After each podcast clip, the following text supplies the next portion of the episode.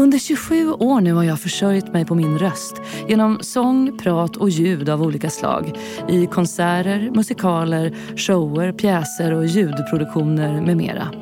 I fyra år har jag tänkt på att jag vill göra den här podden, Din röst. Med fokus på rösten som verktyg, instrument, möjlighet och skyldighet. Jag hoppas att ni får med er något nytt i varje avsnitt som alla kommer vara helt olika. Både vad gäller längd och innehåll och val av gäst. Jag heter Sanna Martin. Välkomna, nu kör vi!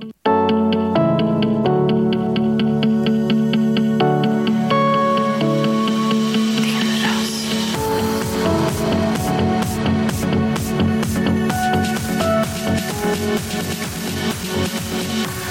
Din röst. Men varmt välkommen till min podd Din röst, Reka Tolnaj. Tack så jättemycket. Jättekul att träffa dig. Du är ordförande i Centerns ungdomsförbund, Mm. ska vi börja med att säga. Ja, och jag vill ju göra en podd om hur vi använder våra röster på olika sätt. Både i det vi jobbar med och engagerar oss i, men också ute i samhället och nu när det faktiskt är valår. Vad har vi för ansvar, möjligheter och skyldigheter eh, ihop med att ha en röst? Jag tyckte vänstern förklarade allt med att det var de rikas fel och att de skulle straffas med höga skatter. Jag hade många rika kompisar som jag uppfattade som bra människor som gör rätt för sig och jag vill inte straffa det. Jag tror att alla istället ska få redskap att själva lyfta sig ur dåliga omständigheter. Det här är ett citat från en intervju du gjorde härom året. Är det ett kall för dig att höja din röst för att komma framåt i samhället? Men jag skulle, det skulle jag säga. Men främst är det väl en kall för mig att möjliggöra att fler ungdomar ska få sin röst hörd. För det är nog en av mina viktigaste uppgifter som ungdomsförbundsordförande. Att visa ungdomar runt omkring i Sverige att det är möjligt för dem att kunna engagera sig. Det är möjligt för dem att kunna få synas och höras. För vi märker nu hur färre och färre unga tror att deras röster tas på allvar. Varför ska jag bry mig om politik? Varför ska jag som 15-16-åring överhuvudtaget vara insatt? För att man blir lärd att deras åsikter inte spelar någon roll. Mm. Och Jag skulle säga att det är en av mina viktigaste uppgifter. Att visa när jag åker runt och turnerar, pratar för ungdomar på skolor, att deras åsikter visst spelar roll. Du behöver inte vara 18 år och gå och rösta en gång var fjärde år för att din röst ska komma till tals. Det kan också göra alla andra dagar och ge dem den möjligheten. Och då kanske speciellt också för unga som bor i utsatta områden eller som kommer som för, från förutsättningar där de speciellt känner att de är utsatta. Men varför ska någon bry sig om mig? Varför ska jag få komma till tals? Och då tror, det tycker jag faktiskt är väl mitt kalla livet, om man säger så. Då. Mm, det ska vi prata mer om, för det är Mm. väldigt mycket därför jag vill göra den här podden. Mm. Att alla röster räknas. Oavsett ålder och faktiskt vad man har gjort tidigare i livet. Men har du alltid tyckt att det varit roligt att prata inför andra? Ja, men det skulle jag väl säga. Jag har ju alltid tyckt det var väldigt kul att prata i allmänhet. Eh, jag är ganska dålig på att vara kort. Det är typ min pressis största problem med mig, att jag är väldigt utbred när jag svarar på frågor. Men jag tycker väl det. Sen har det ju varit pirrigt. Alltså man vänjer ju sig väldigt mycket. Ehm, och det är fortfarande pirrigt. Eh, som ungdomsförbundsordförande så ska du ju hålla linjetal innan partiledaren håller tal på partistämmor exempelvis. Sånt är ju fortfarande jätteläskigt. Liksom. Mm. Varje sak man gör för första gången är ju läskigt. Ja. Men man vänjer ju sig. Så, men jag skulle väl säga att jag alltid tyckte det var kul att prata. Allmänhet. Liksom.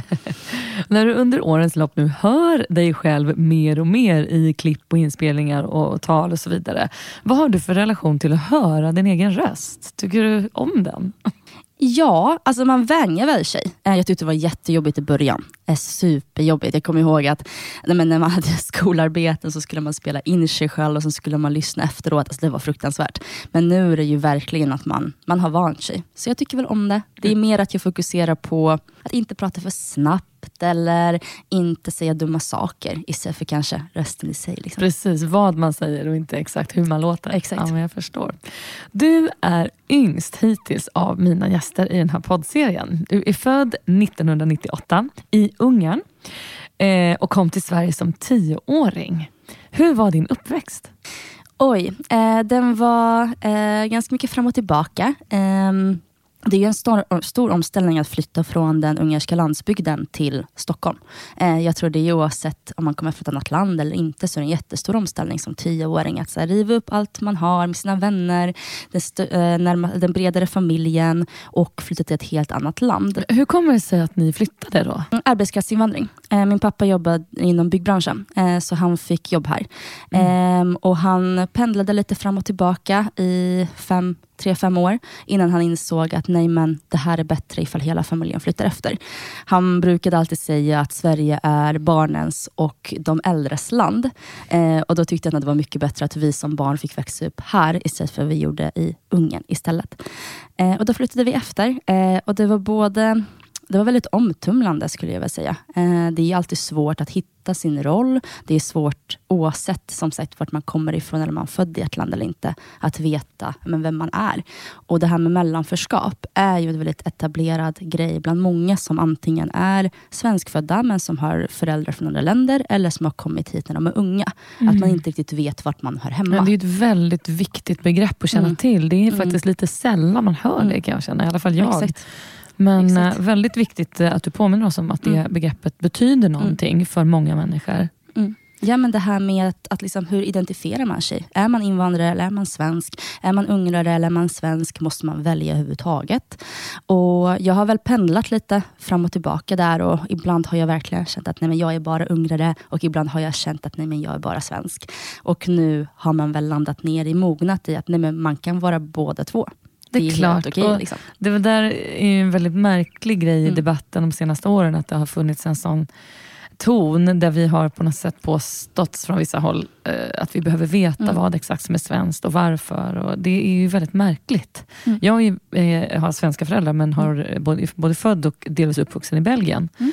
Och Jag kunde också känna igen eh, liksom det här att liksom, på vissa sätt är jag så himla supersvennebananig liksom, när jag var i, i, i stora Europa som mm. ung. Liksom. Men samtidigt så kan jag känna att, att det finns en helt annan del kvar. Mm. Eh, så att det där eh, måste man faktiskt inte stirra sig blind på. Att det är ingen tävling. Så vem är svenskast? Nej, jag vet. Och det är någonting vi måste våga prata mer om. För precis som du säger, det är få som pratar om mellanförskap. Och vi har fortfarande så många unga som känner att nej men jag hör inte hemma här. Eller jag, folk vill inte att jag ska vara här för att jag kanske inte firar midsommar på det svenska sättet eller jag kanske har en annan religion än vad statsreligionen är. Och det är någonting som är så viktigt för att för mig att vara svensk handlar om värderingar.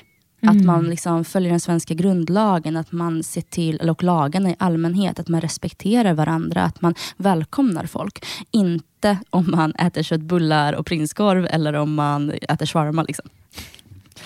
Men du, eh, hur var det för dig då att landa som tioåring här och börja skolan och lära sig ett nytt språk? Hur var skoltiden här när du hade börjat komma in i det? Eh, den var bra. Eh, jag har alltid gillat att gå i skolan. Eh, så det, var, det är kul. Jag gillar, att lä- jag gillar verkligen att lära mig nya saker. Ehm, så när man väl har lärt sig språket, språket och liksom börjat kunna eh, kommunicera med folk, eh, så var det väldigt kul. Sen har det ju väl varit också ganska omtumlande. Vi har ju alltid försökt, mina föräldrar har alltid försökt eh, se till att vi barnen, jag har två småsyskon, mm. eh, ska gå i skolor som anses vara väldigt bra. Eh, och De ligger ju som du vet på grund av skolsegregationen, ofta i finare områden. Så jag har väldigt ofta haft klasskompisar som, är, eh, som hade mycket mer pengar än vad vi hade. Eh, för att absolut, byggarbetare kanske kan tjäna en del, men när man kommer som arbetskraftsinvandrare så är det inte höga mm. löner som gäller. Liksom. Ehm, och Speciellt med tanke på att vi har en arbetsmarknad som det ser ut idag, så har det också mycket varit att eh, när min mamma har jobbat, så har hon jobbat som städerska. Trots att hon har dubbla examen från Ungern. Men eftersom det är så svårt att validera dem och det är så svårt att komma in på arbetsmarknaden som utlandsfödd kvinna, så har det varit väldigt, väldigt låga löner. Så den kontrasten för att man är uppvuxen i ett förortsområde, men går i skolan i ett av ja, Stockholms rikaste områden, som Solsidan, Saltsjöbaden. Det var absolut väldigt kontrasterande. Mm, för du växte upp i Fisksätra som Exakt. är en annan del av Nacka. Exakt. Som är mycket mer ett miljonprogramsområde. Ja. Eh, och som du nämner, jag hade tänkt fråga dig om det, för det är också ett begrepp som vi inte pratar så mycket om idag. Det är det här med klass. Mm. Och Det du beskriver är ju att dina föräldrar hade liksom en, ett annat liv, mm. kan man väl säga lite grann, i Ungern, men gjorde det här valet för att det skulle bli bättre för er allihopa. Mm. Och där blev ju klasskillnaden såklart kännbar eftersom mm. du fick gå i skola på en, en helt annan plats. Eh, även om det inte var långt bort, så var det ju faktiskt stor skillnad. Men hur upplevde du eh, synen som folk hade på dig och eh, tonen mellan er barn och ungdomar när du gick i skolan? Jag tror, att, jag tror inte folk tänkte på att okej, okay, nej men gud, hon är, hon är från orten eller att hon är fattig eller så. Men tonåringar, eller ja, när man går i högstadiet, så är man ju väldigt speciell. Man brukar se att barn är ganska elaka mot varandra. Och Det har aldrig varit så att jag var mobbad eller så. Men det var ju väldigt tydligt att klasskillnaderna blev väldigt påtagliga. Inte per se för att jag kände mig utfryst för att jag inte hade råd att göra saker. Ehm, utan för att eh, man inte kunde relatera det här, man pratar ju väldigt mycket om dyra resor man har gjort, om dyra kläder man har, om vilken... Odd Molly och Collis, det var jättestort på den tiden. Eh, och hur, ja, men hur mycket fina kläder man kommer få och så vidare. Och Det kunde man ju inte relatera till för att man hade inte samma förutsättningar. Nej. Sen också allmänhet. Jag började jobba när jag var 13 eh, och började jobba sen dess liksom extra eh, som gymnastiklärare eller på kaféer eller så. Så jag har jobbat igenom hela högstadiet. Um, och Det var också någonting som var så ovant för många av mina klasskamrater för, som inte kunde relatera till det. Att men varför jobbar du? Varför Det här behövs liksom inte. Du ska ha roligt. typ. Och Då får man ju förklara att nej men det handlar inte om att man, jag väljer bort att ha roligt. Det handlar om att jag vill ha råd med ett, en fritidsbiljett på SL. Liksom, för det har inte mina föräldrar råd att betala. Mm. Uh, och Det var väldigt basala saker. Oh. Mitt intryck av dig när jag har läst och hört och sett en del klipp på dig är att du är framåt och hungrig på förändring. Och I mina ögon så verkar du vara både orädd, impulsiv och rapp med ett enormt brinnande tydligt engagemang. Hur började det här politiska engagemanget? eh, ja, men tankarna började ju väl växa eh, under högstadiet på grund av det vi precis pratade om. Att jag inte kunde förstå hur det kunde vara så stora skillnader när det var så geografiskt nära. Och sen um, började jag läsa på lite. Jag eh, trodde att jag var kommunist när jag började gymnasiet eh, för att liksom jämna ut de här klasskillnaderna. Och sen så eh, kom alla ungdomsförbund till min, till min skola, precis som vi pratade om innan. Och Då fick jag ju prata med varenda en av dem. Och efter en längre diskussion så insåg jag att nej, men jag är inte alls kommunist, utan jag tror ju på det här med liberalismen. Jag tror att alla människor ska få samma förutsättningar mm. och vi ska möjliggöra att alla människor ska få samma förutsättningar. Och Det är liksom det sättet vi kan skapa en förändring som håller på, i längden. Och vad fick dig att tro att du var kommunist? Då? Hur, liksom, kommer du ihåg hur du gick och tänkte då om det? ja, men det var väl typ, alltså delvis var det lite typ coolt, för det var lite tabu och man tycker väl att sånt är lite extra och edgy när man är 16 år. Um, och, eh, men också för att det var väl det sättet som, som det speglades på. Att det handlar om att jämna ut klasskillnaderna. Det mm. handlar om att ge alla exakt likadant. Och jag tycker att det är en tanke som är väldigt enkel att köpa och förstå. Sen när man väl gräver lite mer i det så förstod inte i alla fall jag att, eller det blev tydligt för mig att nej, men jag är nog mindre åt det auktoritära hållet, utan mm. mer åt det liberala hållet. Liksom. Men hur det hela började är för att genom att Um, alla ungdomsförbunden var som sagt på min gymnasieskola. Och Det är också någonting som är så viktigt att komma ihåg, för att nu har vi sett en trend att det är färre och färre gymnasieskolor och högstadier som släpper in ungdomsförbund. För de menar att ja, men det är inte valår och då spelar det ingen roll. Eller så säger de att nej, men de vill inte ta hit Sverigedemokraterna och då får ingen komma in istället. Eller att de bara favoriserar om bara att plocka in Moderaterna eller Socialdemokraterna för de största partierna. Mm. Och Det är jättefarligt eh, för den unga generationen.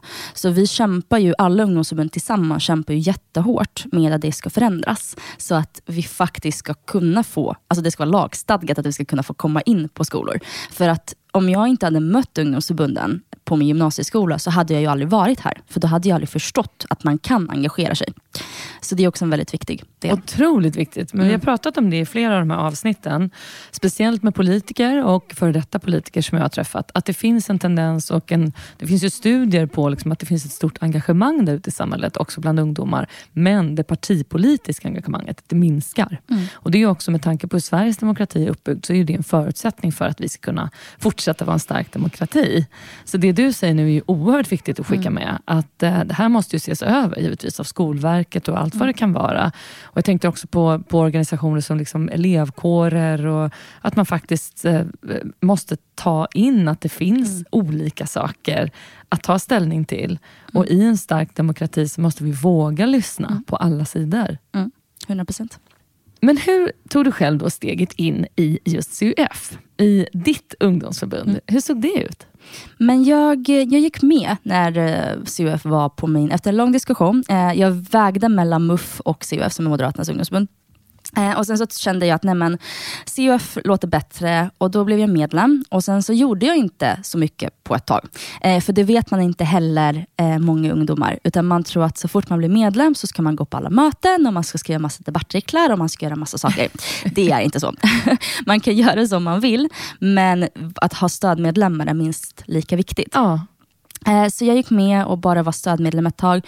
Jag var ju, med, jag var ju aktiv i elevkåren eh, på gymnasiet som jag gick på, så jag hade ganska mycket med det. Mm. Eh, och Sen så gick jag på ett möte eh, och sen så fastnade jag. För jag började tycka så mycket om människorna. Det var så roligt, man kunde diskutera saker så mycket. Um, och Efter det så fick jag möjligheten att sitta i distriktsstyrelsen här i Storstockholm. Sen fick jag bli distriktsordförande för Storstockholm och nu sen ett år tillbaka så sitter jag som förbundsordförande. Mm, och precis, jag hade tänkt säga det, i ett drygt år nu mm. har du faktiskt varit ordförande. Hur har det här året varit tycker du? Det har varit väldigt roligt men det har också varit väldigt omtumlande jag tror inte man förstår förrän man sitter på en förbundsordförandepost hur det känns att vara förbundsordförande. Mm. Jag pratade om det med Nike som är KDUs eh, förbundsordförande, Kristdemokraternas ungdomsförbund, att det är åtta personer som förstår vad vi går igenom just idag. Och det är mm. de åtta som sitter, eller de nio som sitter som antingen språkrör eller ungdomsförbundsordförande. Oh. För det är en position som är så svår att greppa.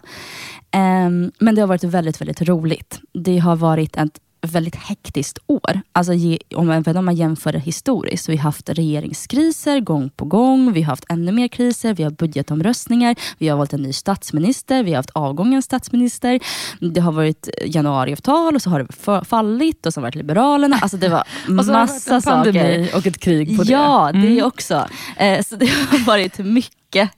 Eh, men det har varit jätte, jätteroligt. Alltså mm. jag eh, hatar att sitta still. Det är det värsta jag vet. Så att jag har mycket saker att göra är bara jättekul. Mm. Vad visste du innan om den här rollen och uppgiften som ordförandeskapet faktiskt innebär? Ja, men jag visste väl ungefär vad det skulle vara, trodde jag i alla fall. Eh, jag med att man är ordförande i ungdomsförbundet, man tar mycket debatter, man är ute på skolor, man sitter i partistyrelsen, man har ansiktet utåt för organisationen. Liksom. Eh, det är väl vad jag visste. Och det är ganska mycket så det är också. Finns det något som förvånade dig? Att hur mycket man faktiskt tas på allvar. Eh, och Det här kanske känns jättemärkligt att säga som en ungdomsförbundsordförande, men, men jag hade fortfarande en känsla att, nej men varför skulle riksmedia bry sig om vad jag har att säga? Alltså jag är inte partiledare, jag sitter inte i riksdagen, jag är inte talesperson för någonting. Liksom. Men det gör de. Och hur mycket vad man faktiskt säger tas på så stort allvar. Det, det tyckte jag var väldigt fascinerande.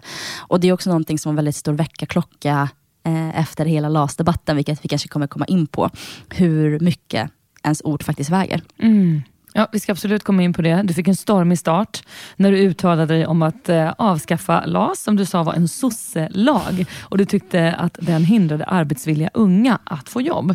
Är det här ett uttalande eh, som du ångrar eller kan du också se positiva effekter med att du gick på så hårt? Jag tror att det fanns positiva effekter av det för att det var ett sätt att etablera mig som, som ordförande. Det väckte ju verkligen reaktioner. Folk mm. fick ju veta vem jag var.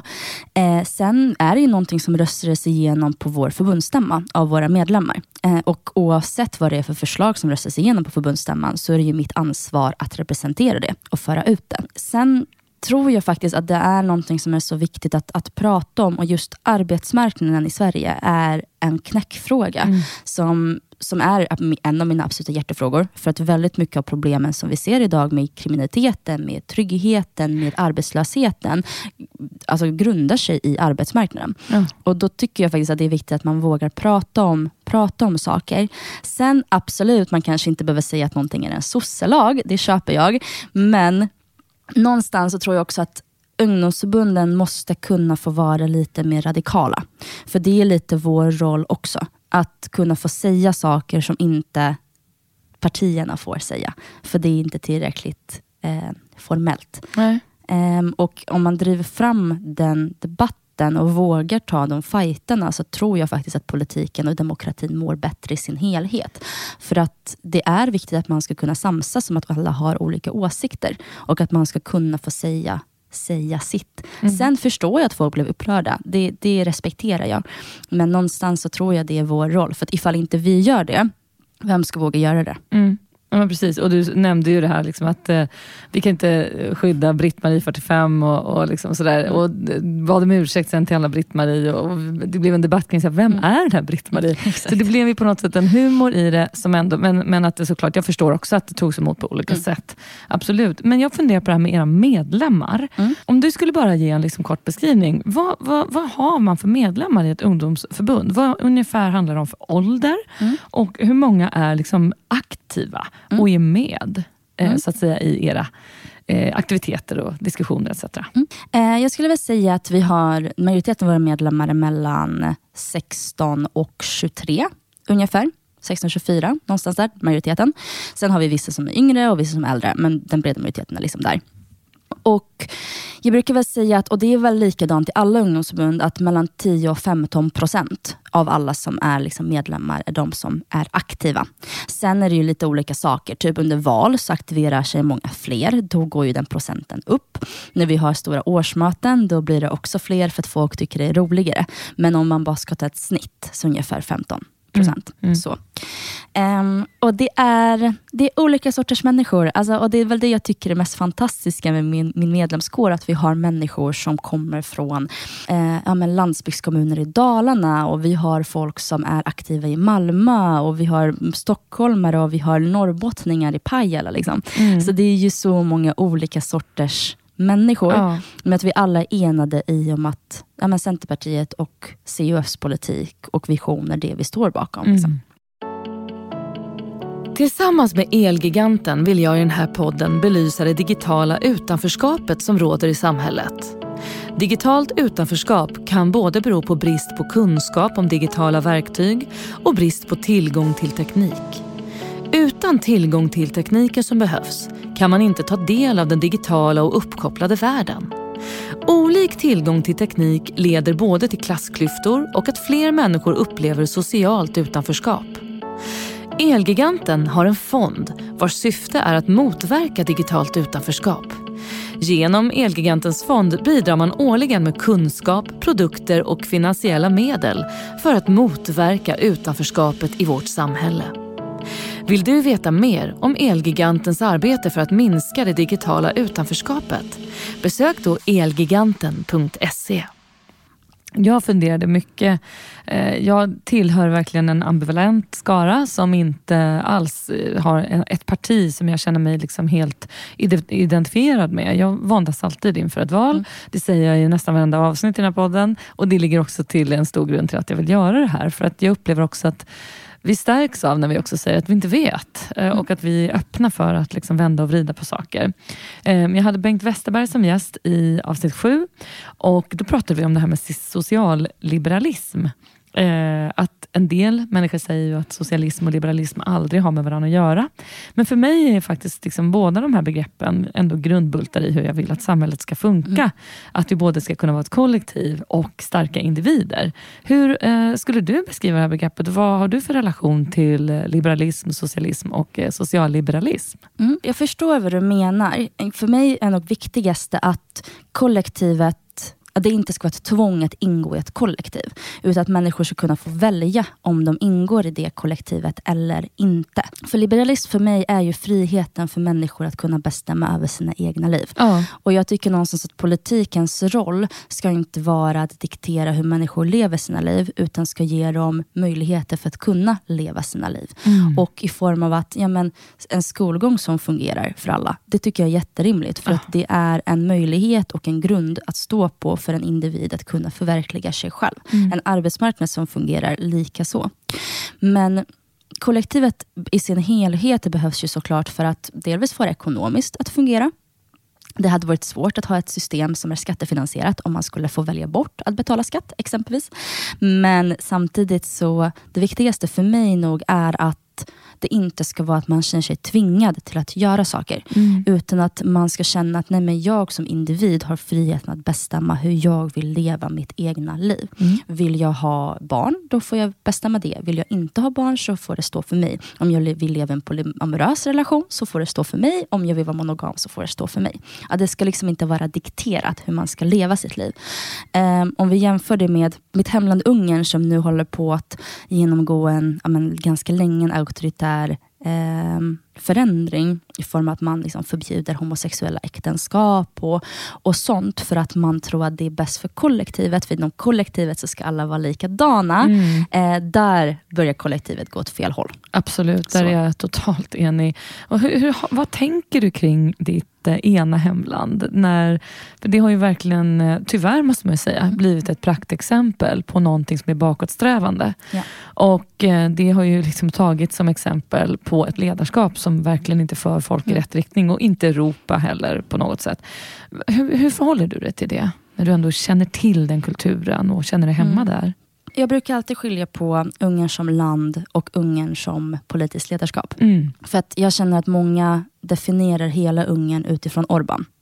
Eh, och Orban är inte hela Ungern. Liksom. Nej. Eh, och tyvärr så är det också väldigt många som, nu har han ju vunnit valet i år igen med en ganska bred majoritet. Mhm. Och, men man måste, man måste komma ihåg är att det är också väldigt många ungrare som röstar för att de inte tycker att det andra alternativet är bättre. Inte för att man tycker att Fidesz och Orban är bra, utan för att man inte tror på det andra är bättre. Så att liksom, vad är värst? Jag tror att man måste liksom tänka på att det är ett land som har genomgått väldigt mycket, som har varit förtryckt av väldigt många olika sorters nationer. Dels Osmanska riket, sen Sovjetunionen, Nazityskland var där ett tag. Så att när Orbán väl kom eh, så var det väldigt mycket att nej, men ungar ska vara åt ungrare. Och det låter fruktansvärt nationalistiskt och jag står inte bakom det överhuvudtaget. Men det grundar sig i att folket hade ett behov av att känna att landet tillhör dem. Mm. För de inte har känt att de kan ha e- ägandeskap över sitt eget land. För det har alltid varit andra länder som har varit där och kontrollerat. Och det är också det som ligger till grund för att han får hålla på som han gör. Tror jag i alla fall. Man kan inte prata för alla ungrare. Men man kan också säga att missnöjet är stort. Och i grunden så, så var han en person som kom gjorde stora ekonomiska reformer efter att Sovjetunionen föll. Med mycket privatiseringar och med mycket, för att få upp den ungerska ekonomin på fötterna igen. Och i början så var det ingenting negativt. Det problemet har ju blivit att han har spårat ur.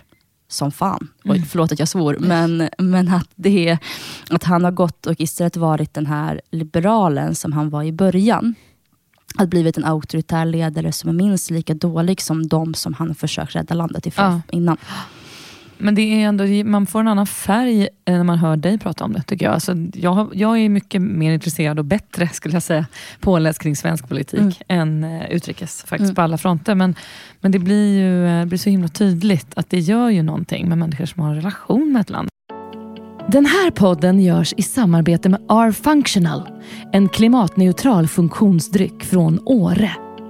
De vill i allt de företar sig göra det de kan för att ta ansvar för vår miljö och framtiden för vår planet. De vill att människor idag ska kunna leva och bo i samhällen fria från skadliga ämnen i både jord, luft och vatten. R-Functional tror på att ge människor tillgång till törstsläckande drycker, lokalt producerade i Sverige, framställda på naturligt mineralvatten och berikade med naturliga ingredienser. Genom ett för miljön minimalt belastande sätt levererar de fossilfritt från sin tillverkning i Åre och ut till sina kunder i resten av Sverige. Allt för att göra så små avtryck som möjligt på den här planeten och för att vi och nästa generation ska kunna känna naturens krafter även i framtiden. Läs mer på rfunctional.com. Du har även uttalat dig om att du tycker kanske att vi ska avkriminalisera bruk och försäljning av droger. Hur menar du, undrar tant Sanna 47. Eh, kan du utveckla, Reka? Ja. Avkriminalisering betyder ju att bruket blir Eh, inte blir illegalt. Nu är det ju både olagligt att sälja och att köpa droger i Sverige och att bruka droger i Sverige. Och Sverige är ett ganska unikt land när det kommer till det. Att det är både olagligt att sälja och att eh, bruka. Och vad, varför alla andra länder bara gjort det olagligt att sälja är för att när man pratar om missbrukare så blir det ju en väldigt, väldigt ond cirkel i att det också är kriminaliserat att bruka narkotika. För att då blir det ju att när du är när du brukar det, när du är beroende, när du är missbrukare som det ofta tyvärr blir, så är man väldigt rädd för att vända sig till sjukvården, till socialtjänsten för att man vet att det här är är olagligt. Okej, okay, så du tänker att vi borde se över just den mm. biten, att det inte ska vara kriminellt, eh, kriminellt att bruka. Mm. Eh, just för att det, liksom, det blir, eh, man blir en slags offer i situationen. Mm. Men nu sitter jag och lite så gapar och tänker, är det inte kriminellt att både inneha, sälja, bruka och eh, köpa? Alltså mm. allt är väl... Allt. Rubb och stubb. Men, och jag kan ju känna, det här är en superintressant och svår diskussion. Jag eh, var i ett par situationer när jag var väldigt ung, där jag blev liksom fullständigt avskräckt kring mm. allt vad gällde droger. För att jag såg några personer på nära mm. håll som dels dog i en olycka eh, mm. påverkade, dels eh, blev våldtagen påverkad, mm. dels mådde oerhört dåligt. Så mm. jag blev fullkomligt liksom, mm. avtrubbad och bara har aldrig testat någonting. Mm. Och är en av få jag känner i min egen ålder som kan säga den mm. meningen. Eh, så jag kan känna som att två flickor hemma som är 17 och 12, att så här, det är det enda jag vill liksom, bara ska finnas mm. någon nolltolerans kring. Um, men jag förstår ju också din poäng, uh, mm. vad det kan göra med en person som är i ett beroende. Mm. Men hur tror du vi kan komma till rätta med det här? Mm. Hur, hur, skulle vi kunna göra? Men ett första steg är ju, vilket också det finns en majoritet för i riksdagen, det är att utreda en avkriminalisering. Folkhälsomyndigheten var också ute förra året och förespråkade en utredning av avkriminalisering. Hur skulle vi kunna göra det i Sverige? Eh, Lena Hallengren totalvägrar, eh, vilket gör mig oerhört upprörd. När det både finns forskning och riksdagsmajoritet, då tycker jag faktiskt att man, är, man måste genomföra någonting. Eh, det är så riksdagen är uppbyggd. Men vi måste i alla fall kunna diskutera det. Ja. Det är lite så som du sa tidigare, ja. att vi måste i alla fall kunna se att det finns åtta partier, åtta ungdomsförbund och ja, vi har en drogfråga här. Ursäkta, kan vi prata om ja, den? lite så. Kan inte sticka huvudet i sanden? Liksom. Ja, men det är fruktansvärt. Så jag hade velat se det första steget är en utredning och det görs ju såklart av experter. Det kanske ska göras av Folkhälsomyndigheten och se över hur vi kan arbeta med som andra länder gör. För att jag tycker inte att man ska straffa missbrukare. Och Jag förstår tanken med nolltolerans mot droger, men vad jag ser som ett, som ett problem i det är för att inte minst cannabis är mycket mer etablerat i vårt samhälle, speciellt bland ungdomar, än vad det kanske var förr. Och det, vi ser en trend att det är färre och färre unga som dricker alkohol och det är fler och fler som röker cannabis. Och Då har vi en situation där uppenbarligen den här skrämseltaktiken tyvärr inte har lyckats att nå fram på rätt sätt. Och Då hade jag velat se över en, ett omtag i, sitt hel, i sin helhet. Men samtidigt också att missbruksvården får mycket, mycket mer resurser. För det handlar ju också någonstans om politiskt ledarskap. För om vi ser att vi tar missbruk på allvar och faktiskt tar steg för att beivra missbruk så kommer också missbruksvården få mer pengar. Sprututbytesprogram kan bli mer vanliga i andra regioner. Eh, Stockholm håller på att ha det nu och det betyder att när du är heroinist och injicerar heroin via spruta så är det ofta väldigt, väldigt många som har det antingen smutsigt eller att de är ohygieniska och det ger dem ofta blodsjukdomar. Eh, nu är inte jag läkare så jag kan säga fel men det är i alla fall väldigt dåligt. Ja, men jag tror många förstår vad du menar, ja. att det kan finnas andra faror. Exakt, ja. exakt. Så Region Stockholm har ju någonting som heter sprututbytesprogram där man kan komma och liksom byta spruta och få det, få det mm. eh, kontrollerat. Och genom en avkriminalisering så blir det också att sådana initiativ får mer möjlighet och då blir det att du blir avvänd och du går på rehab på ett sätt som inte bara är så här, nej punkt slut, nu ska det vara slut för det är stigmatiserat och det är förbjudet. Utan vi faktiskt jobbar på ett sätt som är på missbrukarnas villkor. Mm. Um, och hela vår avkriminaliseringsperspektiv, partiets avkriminaliseringsperspektiv, som sagt alla partiers förutom Socialdemokraterna, bygger på att skydda den som är missbrukare. För att se till att det faktiskt är se beroende som ett sjukdom mm. och då behandlar det som ett sjukdom. Jag fastnar för en grej du sa nyss, eh, om att vi borde kolla på andra länder. Och Där eh, kan vi liksom gå vidare till i stort sett vilken fråga som helst. För att där upplever jag att Sverige är väldigt, väldigt svaga på att kolla på andra länder. Eh, oerhört märkligt kan jag tycka. eh, i allt. Mm. Varför tror du att vi har en tendens till att eh, fortfarande sitta i vårt lilla, ganska ensamma hörn i norra världen och tro att vi inte behöver kika oss runt omkring? Det är nog svårt att säga, men jag tror det handlar om att man inte vill inse att man behöver ta in råd att det är för jobbigt för den liksom svenska identiteten. Jag tror det kanske handlar om att man fortfarande lever kvar eh, efter andra världskrigets situationen när hela Europa var sönderbombat, förutom vi. typ Och att vi var en sån stormakt och vi kunde påverka så mycket för att vi inte var indragna i det kriget. Det kan man också prata mycket om, ifall svensk neutralitet är någonting man ska vara stolt över eller inte. Men och jag tror det är lite det därifrån det kommer, att svensk ekonomi var ju oerhört stark under väldigt lång tid och vi har gjort väldigt mycket stora reformer under lång tid. Um, och att det hänger kvar. Och det är för jobbigt för egot att liksom inse att man kanske inte är så ledande längre i världen. Och apropå att inte snegla på andra länder, vad jag tycker är tråkigt att när man väl kollar på andra länder så kollar man också bara utifrån det som man själv eh, som bekräftar ens egna världsbild. Mm. Ta gängkriminaliteten exempelvis. Väldigt många partier pratar om Danmark. Och Då pratar man bara om Danmark, om skärpta straff och ungdomsfängelser. Man pratar aldrig om hur mycket Danmark lägger på förebyggande åtgärder. Och de måste ha liksom i symbios med både straff och förebyggande för att kunna lyckas. Men det väljer man ju bort, utan man bara fokuserar på ungdomsfängelser. För det bekräftar ens egna åsikt. Just det. Ja, men vi vill ofta prata på det sättet tycker jag. Det har också kommit upp ofta i de här avsnitten att vi eftersträvar alldeles för ofta enkla lösningar på komplexa problem. Mm. Och Det är också en så stor eh, anledning till att vi behöver prata mer med varandra och prata mer med oliktänkande. Mm. Och Jag tänker att mycket av det du beskriver kring drogsituationen som du har belyst eh, är ju också, tror jag, ganska mycket en generationsfråga. Att eh, där inkluderar jag verkligen mig själv. Att jag är liksom medelålders och eh, ser det på mitt sätt. Mm. Men saknar ju det perspektivet som du har och ja, mina döttrar kanske på sikt kommer få. Eh, och Jag tänker att vi, vi är väl lite skraja för att Eh, att ge en ordentlig debattplats till mm. yngre. Mm. Det tycker jag också är lite sorgligt liksom, av oss mm. vuxna. Att vi, vi är lite snåla med det måste jag säga. Du har kallat det kommande valet en värderingskamp och jag håller i mångt och mycket verkligen med. Men jag måste säga att det är oerhört sällan vi hör våra ledande politiker prata om ideologi och värderingar och visioner. Och Det tycker jag är väldigt tröttsamt. Jag hade Eva mm. Dahlgren som gäst i avsnitt 10, som är en stark röst och en samhällsengagerad person sedan länge, som påstod att hon tycker att ett valår innebär att alla partiledare i stort sett blir någon slags vandrande reklampelare och bara pratar om snabba puckar. Och nu, jag ser på hela ditt kroppsspråk att du håller med. Mm. Och Vi måste komma ifrån det här. Mm. Jag satt och tittade på en debatt för inte så länge sedan eh, som fanns på Öppet arkiv på SVT från eh, året efter jag föddes, 1976. Och då på, på, den tiden, det är ingenting man vill eftersträva igen kanske, att det var bara en massa kostymklädda eh, vita män som satt och pratade väldigt lugnt och sakligt förvisso.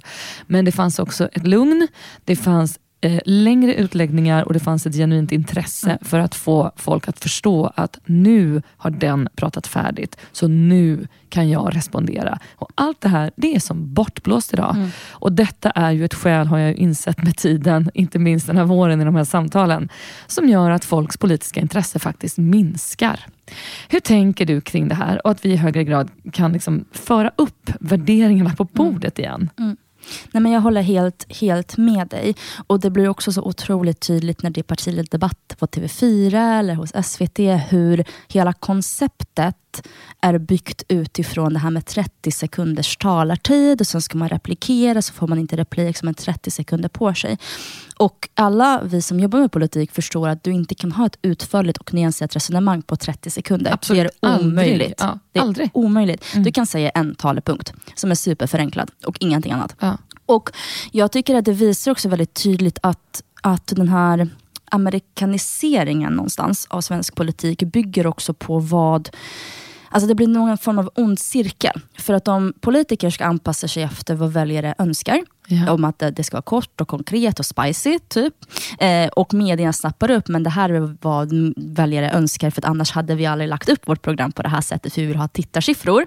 Och då blir det, det fortsätter och då blir liksom politikerna ännu kortare och ännu härskigare och ännu mer bråkiga, för att då verkar det som att de tror att medborgare, det är det medborgare vill ha och då fortsätter media med de här koncepterna för att de vill ha tittarsiffror.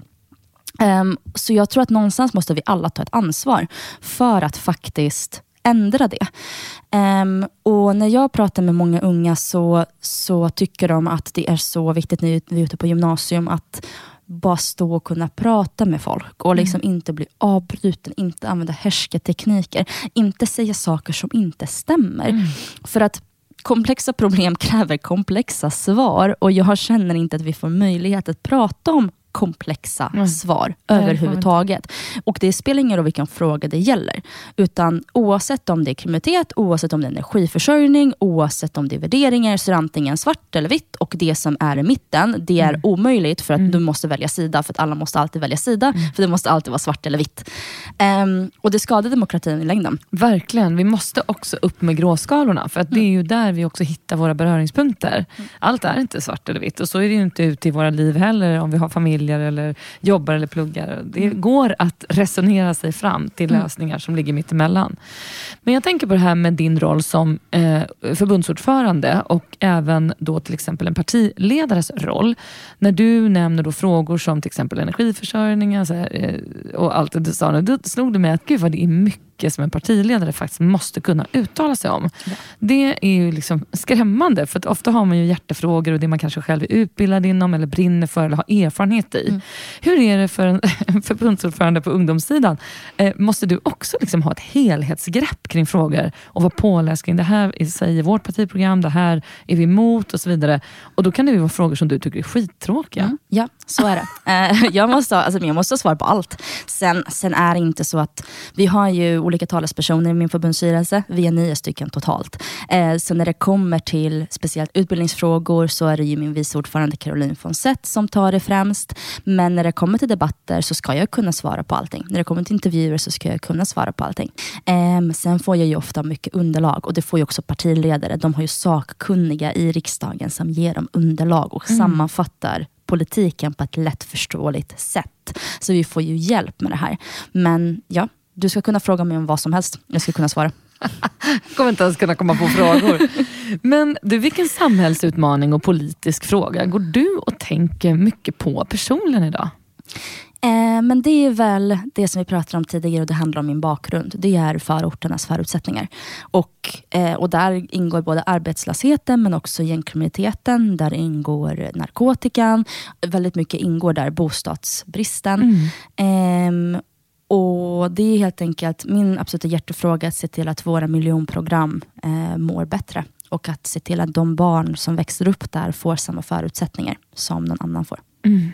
Ja, om jag har förstått det rätt så är en av de punkterna du mest brinner för generellt är att ge folk rätt förutsättningar, som vi nämnde innan, för att utvecklas och lyckas här i Sverige. Vad tror du krävs för att vi eh, ska komma till rätta med det och lyckas med att mm. kunna göra det? Mm. Jag tror att vi måste göra mycket saker. Um, och Sverige, Sverige är inte katastrof, Sverige har gått, kommit en bra väg. Viktigt att poängtera. Ja, Men jag tror ändå att vi måste våga kill your darlings lite. Eh, ja, men se över varför har vi en sån utbredd arbetslöshet när det kommer till utrikesfödda, när det kommer till ungdomar? Jo, för att vi har system som inte möjliggör att dessa grupper kommer in på arbetsmarknaden. För att det har kommit som en... För Sverige var inte redo för eh, antalet människor som flyttade hit 2015 och våra system var inte utbyggda utifrån det och utifrån den kunskapsnivån och den integrations eh, systemet. Så vi måste liksom retroaktivt göra om alla våra system.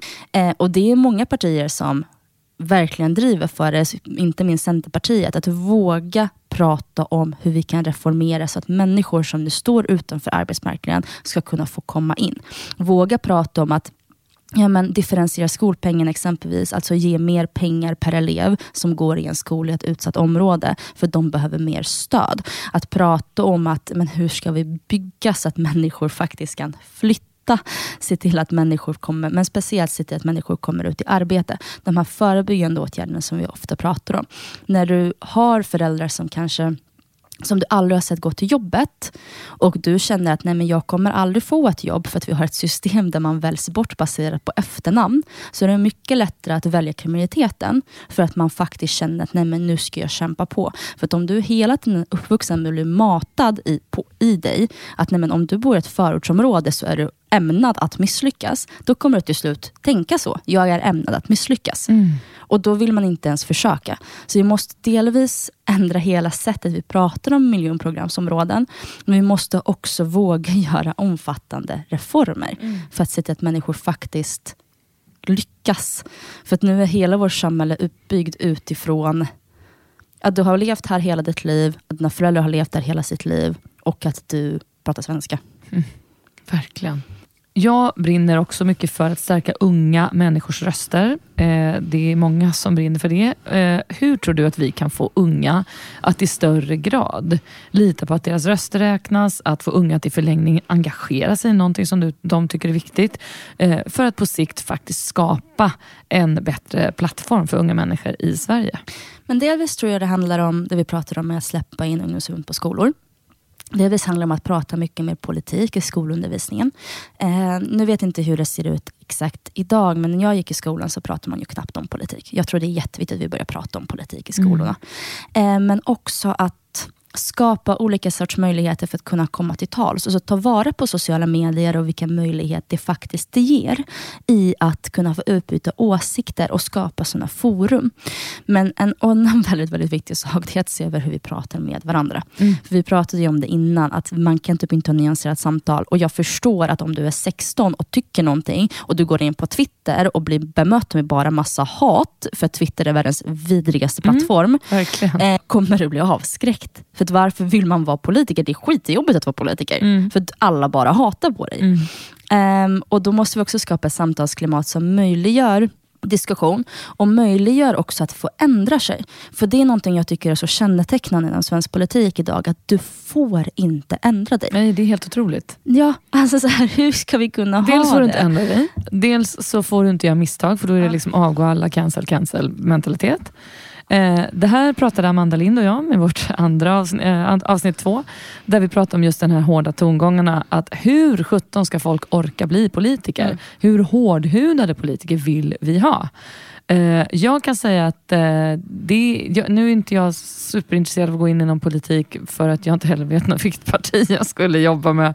Men däremot ska jag känna att det är ju ett skäl. Jag, menar, jag skulle inte kunna få något politiskt uppdrag. Jag har både betalat en barnvakt i fickan och liksom, alltså förstår det finns massa sådana Mm. grejer som jag har gjort eh, när jag var yngre som jag känner så här, "Jaha, nej, men det, då är det ju kört för mig. Mm. Vill vi ha den typen av politisk, politisk elitism? Eh, för det är ju helt irrelevant. Du missar ju väldigt många vettiga människor som kanske har gjort något lite halvdumt när de var yngre. Om du har den generella, Mm. generell eh, regel som den hela, hela vägen. Mm. Det är ju ganska bisarrt faktiskt.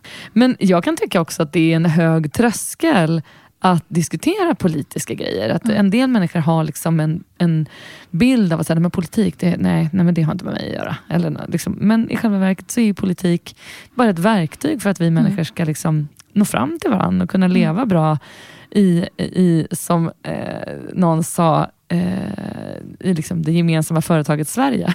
Ja. Det, det, jag vet inte. Tycker du att det är en hög tröskel att diskutera politik eller omger du dig numera då med människor som också vill det? Jag tror att delvis så, eftersom jag jobbar med det på heltid, eh, så blir det att jag är så van med det.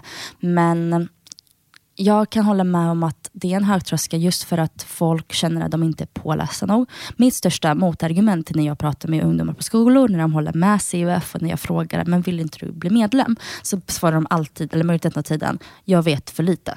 Mm. Och det tror jag är ett jättestort problem. För att vi betraktar politiskt engagemang som att men du ska veta hela partiprogrammet, du ska ha bestämt dig i varenda sakfråga, du ska veta exakt vad du tycker innan du blir medlem i ett parti.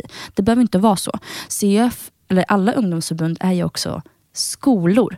Vi, vi jobbar med att kunna utbilda ungdomar i ideologi, i politik för att kunna ge dem olika perspektiv. Så att de ska kunna komma fram till själva vad de tycker. Det finns många frågor som jag inte håller med vårt sakpolitiska program. Sen spelar det ingen roll för att jag ska företräda de frågorna. Men varför, varför jag har haft möjlighet att kunna få ändra mig är för att vi har diskuterat det. Och det ska vara möjligt inom ungdomsförbunden. Och det är därför jag älskar ungdomsförbund så mycket. För att vi möjliggör det samtalet. Mm. Men om man aldrig har varit med där så vet man ju inte heller hur det är. Och jag tror verkligen den här hårda tonen och att man ska veta allt och man ska ha en fast åsikt om allt. Man får inte säga jag vet inte, jag måste fundera. För om man säger jag vet inte, jag måste fundera, då framstår man som en svag politiker. Det tror jag skapar jättehöga trösklar. Ja, verkligen. Du ska nu få en fråga av en eh, tjej som jag träffade igår. Då ska du få skicka med en fråga till en kommande gäst. Och det är Centerns ungdomsförbunds ordförande Reka Tolnaj som bara är, hon är två år yngre än du. Oh Så ni är lite samma generation Galet, och hon ja. har valt att engagera sig i politik. Ja. Och är liksom en av de framtida för att vi ska ha eh, politiker överhuvudtaget i Sverige. Stor ära. Åh oh, gud vad svårt. Eller i och för sig det kan jag fråga. Um, för det tycker jag ändå är intressant att få veta vad hon tycker om allting som pågår just nu i USA. Um, och allas politiska statements, alltså från presidenten, från the vice president, um, men om abortfrågan uh, och hur Roe v Wade, att de försöker liksom overturn den just nu. Och ja, men all, allt som hör till det. Att, uh, vad, vad händer om de lyckas och de är ju på väg att göra det. Um, och vad innebär det för ja, men typ ett land som Sverige? Tror att, för att jag, jag anser ändå om man kollar inför det här valet eh, och när jag pratar med mina vänner så tycker jag ändå att det har blivit, det blir ju mer och mer likt USA. på så sätt att det är ju väldigt clickbaity. Man vill ha det snabbt och man ser någon artikel om att oh nej nu har Ebba Busch sagt det här. Eller så här, vad den nu är. Eller ah, någon skandal. Eh, och det är väldigt snabbt så och väldigt, eh, vad ska man säga? Um, jag vet inte ordet på svenska, men hyperbolic. Alltså det är ju väldigt, det är nästan som en mm. reality show. Absolut. Um, mm. Och det, det har man ju sett i USA, att, att kolla på debatter där, det är ju nästan som att kolla på ett realityprogram. Ja, ja, ja, För att det, de slänger bara ut one-liners som folk ska heja på eller boa på. Um, så ja, jag kan ändå känna ibland att Sverige, jag vill inte säga så här, uh, tar, eh, tar ett kort från USA-valet. Men jag känner lite mer och mer att det är så här, man slänger ut one-liners och helt plötsligt så är det något galet som man säger om flyktingar för att det ska få in snabba röster. Så att eh, vad kan abortfrågan och allting som händer kring det i USA betyda för Sverige och tror, ja, tror vi att det kommer gå mer åt det hållet och bli mer populistiskt I guess och eh, ja men lite mindre politik och lite mer eh, drama. Jättebra ja. fråga. Den skickar vi med. Nice. Det här var en fråga från Peg Parnevik till dig. Eh, som är, eh, eh liksom, det är väldigt mycket som påminner, när jag pratar med dig, och hur du berättar liksom om din, mm. ditt förhållande till liksom Ungern, att, att där så hamnade man i ett läge där man fick välja mellan liksom två ganska, inte så jättekul alternativ. Vi hade precis det samtalet igår om mm. liksom det med Trump och Biden och många yngre generationer mm. som ser det som att okay, det fanns inget bra alternativ. Så att det, det är en stor förmån att få sitta med två så vassa yngre kvinnor två dagar i rad. Men det var ju en lång reflektion hon skickade till dig om det här med amerikanska sättet mm. som faktiskt influerar vår politik och hur du ser på den här abortfrågan. Mm. Jätteintressant fråga. Jag misstänkte var Peg Parnevik, för jag känner igen hennes röst. Jag tycker det är så coolt att hon ställer frågor till mig. Alltså, så här, jag älskar Peg Parnevik. Ja, ehm, men jag skulle vilja säga, alltså, för det första, det är helt fruktansvärt, det som händer i USA. Det är sinnessjukt och jag blir upprörd av att vi är, alltså Julia är jätte jättearg. Eh, att vi sitter här 2022 och folk fortfarande än idag ifrågasätter kvinnors rätt att bestämma över sina egna kroppar. Alltså det är ingenting som får mig att bli så arg. Ja, men det, det, är helt bisarrt. Det är, det är verkligen så det här eh, klippet, vi pratade om det igår också, jag och Peg, att, att eh, det är helt sjukt att vi har ett klipp liksom, där the vice president sitter och säger så här, kan du komma på någon lag där eh, kvinnor bestämmer över mäns kroppar? Och så sitter det någon man och svamlar, bara, uh, we're not right now. Nej, men alltså, det är så sjukt. Men alltså, det är så fruktansvärt märkligt. Och Det visar ju också hur USA är tyvärr inte det här ledande framgångslandet, utan det är ett gäng dumma människor där. Som, som, inte hela USA såklart, men väldigt många som på riktigt lever kvar i såna här förlegade tankar om att man har rätten att bestämma över kvinnor. Men med det sagt, så det är väl mitt viktigaste, att jag tycker det är fruktansvärt. Jag ber till alla gudar någonsin att det inte kommer gå igenom, för att det kommer vara en sån fort fruktansvärt setback för jämställdheten och kvinnors rättigheter mm. ifall USA som västvärldens ledande land ska fatta ett sånt här beslut. Mm.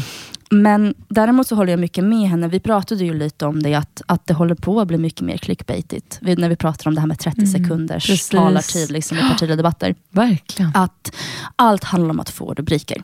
Och någonstans håller vi på att gå in i en era där, där politiker håller på att bli typ influencers. Eh, vilket man kan ha olika åsikter om. Det finns delvis en positiv del i att man minskar avståndet mellan politiken och vanliga människor. Men samtidigt kan jag också tycka det är märkligt för att det, tanken är inte att du, liksom, du ska företräda ditt partis åsikt. Du ska fatta lagar och beslut i Sverige. Och Det kräver lite mer än bara 30 sekunder och det kräver mycket mer nyansering. Mm.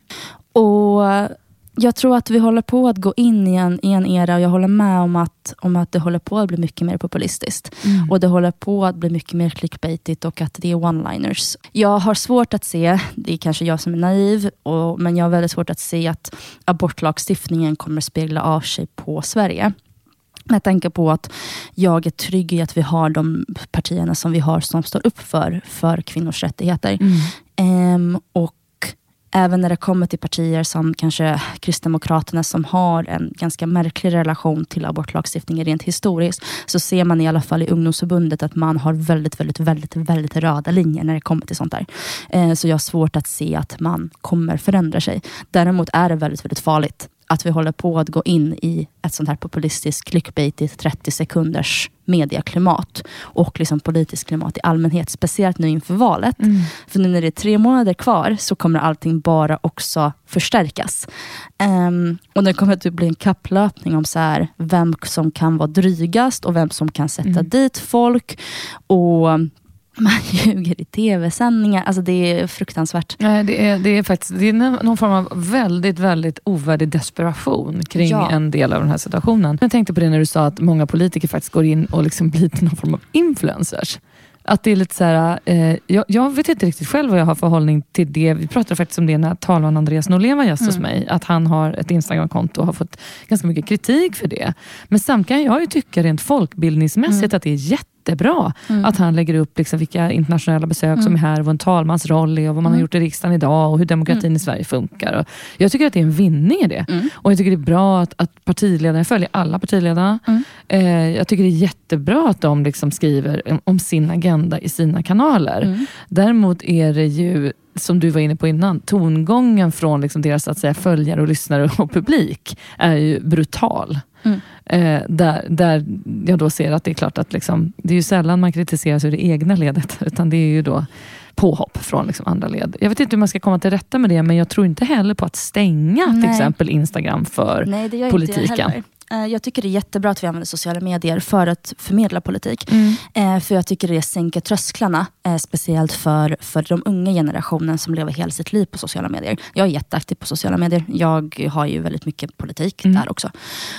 Um, och på det sättet tycker jag det är väldigt, väldigt bra. Vad jag menar med att jag tycker det kan vara farligt med att det blir mer influensigt är ju att man fördummar debatten någonstans. Oh. Att man börjar se på partiledare som, hur ska jag förklara det? Alltså så här, Istället för politiker som ska vara nyanserade, som ska vara sakliga, så börjar man istället se på dem som några som bara hittar på och några som bara gör saker för att få rubriker. Ja. Och det är där jag tror problemet blir. Inte att man kommunicerar via sociala medier, Nej. men just det här med att det fördummar lite. Och ja. jag är rädd för att man måste liksom kunna hålla två tankar i huvudet samtidigt. Absolut. Man ska kunna prata politik på sociala medier, men man ska också kunna göra det på ett nyanserat ja, men sätt. Det är jättebra sagt. Det där mm. kan man inte säga för många gånger. Det har jag sagt många gånger just i år. Man måste hålla två huvud, tankar i huvudet samtidigt. Det är enormt viktigt i alla sammanhang.